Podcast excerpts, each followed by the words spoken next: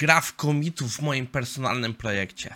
Raz na jakiś czas, leciutki mały branczek, wszystko idzie na tranku. Komity w, u mnie w pracy, coś co wygląda normalnie jak żyły i większość branczy nigdy nie wraca do maina. A w dzisiejszym odcinku API Tindera. Pracuj 5 godzin dziennie, czas zacząć.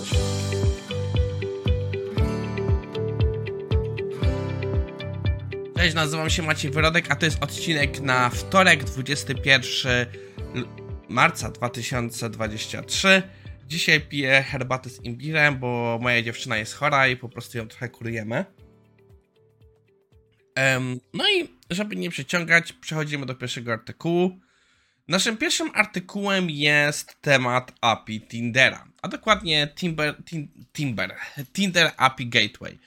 Sytuacja jest taka, że y, Tinder y, musiał sobie parę lat temu, trochę ciężko mi powiedzieć do końca, w którym momencie z tego artykułu nie wynika, a nie patrzyłem na y, analizę podrze- właściwą. Wydaje mi się, że kiedyś mogliśmy patrzeć na tą właściwą analizę, którą oni zrobili, bardzo rozbudowany artykuł. I to jest takie bardziej podsumowanie, wyciągnięcie największych wniosków z tej analizy. I myślę, że fajnie, że autor to zrobił, bo jego podsumowanie jest dość długie, a artykuł jest jeszcze większy. E, autor zaczyna od opisania, jaki był faktyczny problem u Tindera. W dużym skrócie, Tinder miał 500 mikroserwisów. Szczerze mówiąc, e, nie spodziewałem się, że tak dużo. Mikroserwisy wiemy, że są małe, ale tak jakbym miał sam powiedzieć, jak wielki byłby Tinder, nie powiedziałbym, że to będzie aż tak wielka kobyła. Trochę przyczyną tego jest, że mamy to samo, co w większości wypadków systemów. Patrząc z zewnątrz, my nie wiemy wszystkiego, co się dzieje pod spodem, gdzie między innymi jest kwestia tutaj, że mamy 190 krajów, które są wpięte, gdzie mamy y, osoby, które chcą korzystać z aplikacji poprawnie i bet aktorów. I tak naprawdę większość krajów ma jakieś swoje regulacje prawne, które gdzieś tam też muszą być odbite co powoduje, że ta logika nie jest prosta i podejrzewam, że sporą część tej logiki jest także serwowanie, dostarczenie reklam, bo no wiecie. Um, autor dyskutuje o tym, że przyszedł moment, w którym tak naprawdę przez to, że systemy były rozwijane niezależnie, było parę różnych API gatewayów, ale nie były one spójne, doprowadziło to do sytuacji, że tak naprawdę był brak był problem z ujednoliceniem tego i standaryzacją. I tak naprawdę doszli w pewnym momencie do sytuacji, gdzie ym, po prostu było już jasne, obecny system nie utrzyma się. Obecny system nas już ogranicza, jeszcze może przez chwilę uda nam się dopisać jakieś nowe funkcjonalności w nim, ale jeśli nie zrobimy dużego porządkowania, leżymy.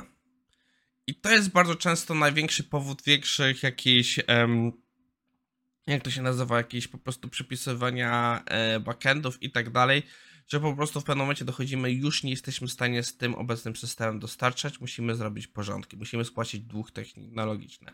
Co ciekawe, projektując nowy system, zaczęli od takiego podejścia, jak on powinien działać wcześniej, jak on powinien faktycznie działać, i od tego dopiero zaczęli, yy, zaczęli wszystkie rysowanie. Czyli mieli ten stan, określili sobie stan, jak to ma wyglądać, co, co, co oczekują od nowego systemu i wtedy zaczęli to projektować. E, rozwiązaniem było coś, co napisali jako, nazwali jako Tinder API Gateway, co mają w skrócie tak. I tutaj jest dużo dyskusji na temat, jak to było projektowane, że nie chcieli mieć zależności language specific i nie chcieli mieć zbyt dużego learning curve, dlatego yy, yy, krzywy nauczania się. Dlatego wiele narzędzi third party, które można było skorzystać, wyleciało z kretesem, bo się do tego nie nadawało, przez to, że było ostro oparte o pluginach, oznaczało właśnie zbyt dużą tą krzywą nauczania się. Autorzy następnie wchodzą już trochę, autor wchodzi tak bardziej tutaj w co wybrali, że zdecydowali się użyć Spring Cloud Gateway jako baza i jakieś narzędzie Spring Web Flags. Tu się nie wypowiem o tych narzędziach, to jest trochę już nie, mo e, nie moja bajka, ale też co ciekawe, gdzieś tutaj parokrotnie pojawia się termin, który się nazywa, że mają pod spodem server mesh. E, jeśli nie wiecie co to jest, to wam powiem, że ja też nie było mi znany ten termin, dlatego wam przeczytam definicję z innego artykułu autora, bo rzekomo termin został ukuty przez Google i on, autor też miał problem jakoś wyjaśnić o co chodzi, bo prezentacje, które to były, nie były zbyt jasne. Że znalazł gdzieś na stronie Service Mesh is, is a design pattern that provides a common networking framework, framework helping solve one pain of introducing a microservice infrastructure.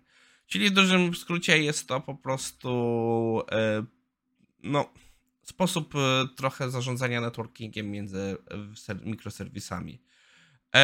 Autorzy następnie wchodzą w dyskusję o przeszłości tego API, ale też wam pozwolę doczytać w własnym czasie, jak was ten artykuł zainteresuje. Moim zdaniem ciekawe przemyślenie. Dla mnie najważniejszy punkt jest to, że znowu mamy case, że uporządkowanie API dzieje się dlatego, że po prostu e, nie z dużym wyprzedzeniem, tylko po prostu już jest jasne, że zaraz to, że zaraz po prostu Janusz to padnie.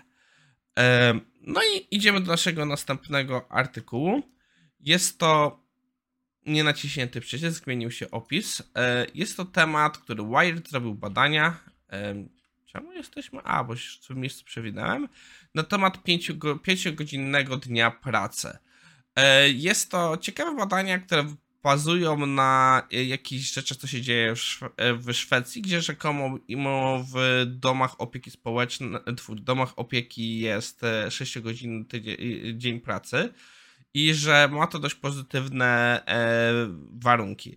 Autorzy wchodzą także w dyskusję, że tak naprawdę wiele badań pokazuje, że jeśli chodzi o pracę kreatywną, czyli jeśli musimy to myśleć kreatywnie, to nasz limit to jest 5 godzin. I ja faktycznie mogę powiedzieć, że czym starszy jestem, tym bardziej się zgadzam z tym limitem, bo y, możemy pracować dłużej, jeśli chodzi o pracę kreatywną, ale to ma na nas bardzo mocne e, efekty uboczne, bardzo mocno nas wyniszcza.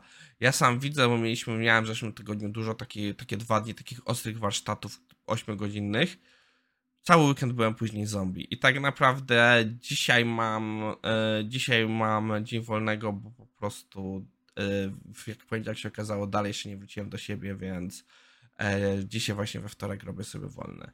E, autor mówi, że tak w ogóle koncept 8-godzinnego dnia pracy jest stosunkowo nowy, że jest to wprowadzone przez e, Ford Motor Company, żeby mieć łatwy sposób prowadzenia pracy 24-godzinnej. E, jedyne, co mi w tym nie do końca pasuje, bo, bo nie wyjaśnione jest, jak te rzeczy działały wcześniej. Ja, jako osoba, która kojarzy wieś i mniej więcej wiem, jak działała wieś w dawnych czasach, no to tam praca była też na okrągło. Tam może nie było takiej super intensywnej pracy cały czas, były momenty, ale tak naprawdę tam. No i właśnie włączył się mi budzik. Eee, tam była praca od rana do zmierzchu i w wielu miejscach też tak widzę.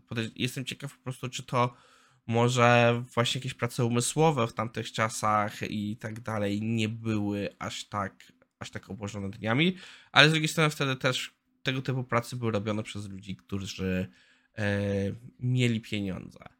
E, dyskusja jest o tym, że tak naprawdę e, były firmy, które eksperymentowały, na przykład Cor Koran, e, nie wiem co to za firma, e, eksperymentowali w 2005, gdzie wprowadzili dzień pracy od 8 rano do 1. Żadnych przerw, przerw po prostu 5 godzin maksymalnie sfokusowanej pracy i, e, i tak naprawdę widzieli duże pozytywne wpływy, ale też mieli negatywy. Po pierwsze, udało się podnieść wyniki, ale jak się okazało, kultura firmy poszła w dół. Po pierwsze, e, przez to, że ta praca była, 8 godzin, była w 5 godzinach i ludzie byli skoncentrowani na dostarczaniu, to tak naprawdę na poziomie właśnie tych relacji w firmie, przywiązania do firmy i tak dalej, rzeczy poszły, bo nie ma już tych dyskusji przy kawie, nie ma small talku i tak dalej, i tak dalej, bo wszyscy chcą dowozić jak najszybciej, bo chcą wyrobić się w te 5 godzin. Co prowadziło też do tego, że ludzie byli o wiele bardziej zestresowani, żeby to wszystko dorobić na czas, że czuli o wiele bardziej presję czasu. I kolejną rzeczą, którą autorzy zaznaczają, że jakkolwiek te 5 godzin pracy to jest może ok dla pracy kreatywnej, ale jest tyle jeszcze prac, które nie wymagają kreatywności, a bardziej wymagają godzin. I w tym wypadku ten system wcale nie byłby, nie, ten obecny system wcale nie jest taki zły. Ciekawe przemyślenia i w sumie w sumie to ciekawe do, pytanie dla was. Czy jakbyście mieli do wyboru czterodniowy e, tydzień pracy albo pięciogodzinny dzień pracy, to co byście wybrali? Co by tak dla was w głowie przemawiało. E, mnie tak na szybko się pokazuje, że chyba pięciodniowy, e, pięciogodzinny dzień pracy jest, e, jest to większy zysk, bo to, zakładając, że dostają tę samą kasę, bo to się sumuje do 20 godzin. Czekajcie, nie mam liczyć, do 25 godzin, a, a, a 4-godzinny tydzień pracy to nam się sumuje 32 godziny, więc na samych poziomach godzin może to być trochę ciekawsze, ale z drugiej strony, no faktycznie może tutaj wchodzimy w to, że traci się wszystkie te relacje. Cześć, końcówka od odcinka jest nagrywana osobnie, bo jak miałem przełączyć na podsumowanie, przez przypadek ucięłem odcinek. E, więc na zakończenie jedynie chciałem powiedzieć, że dzisiaj porozmawialiśmy o, o odcinku e, na temat e, lekcji wyciągniętych z nowego API Twittera i o 5-godzinnym tygodniu pracy, 5-godzinnym dniu pracy. To wszystko w dzisiejszym odcinku i widzimy się jutro.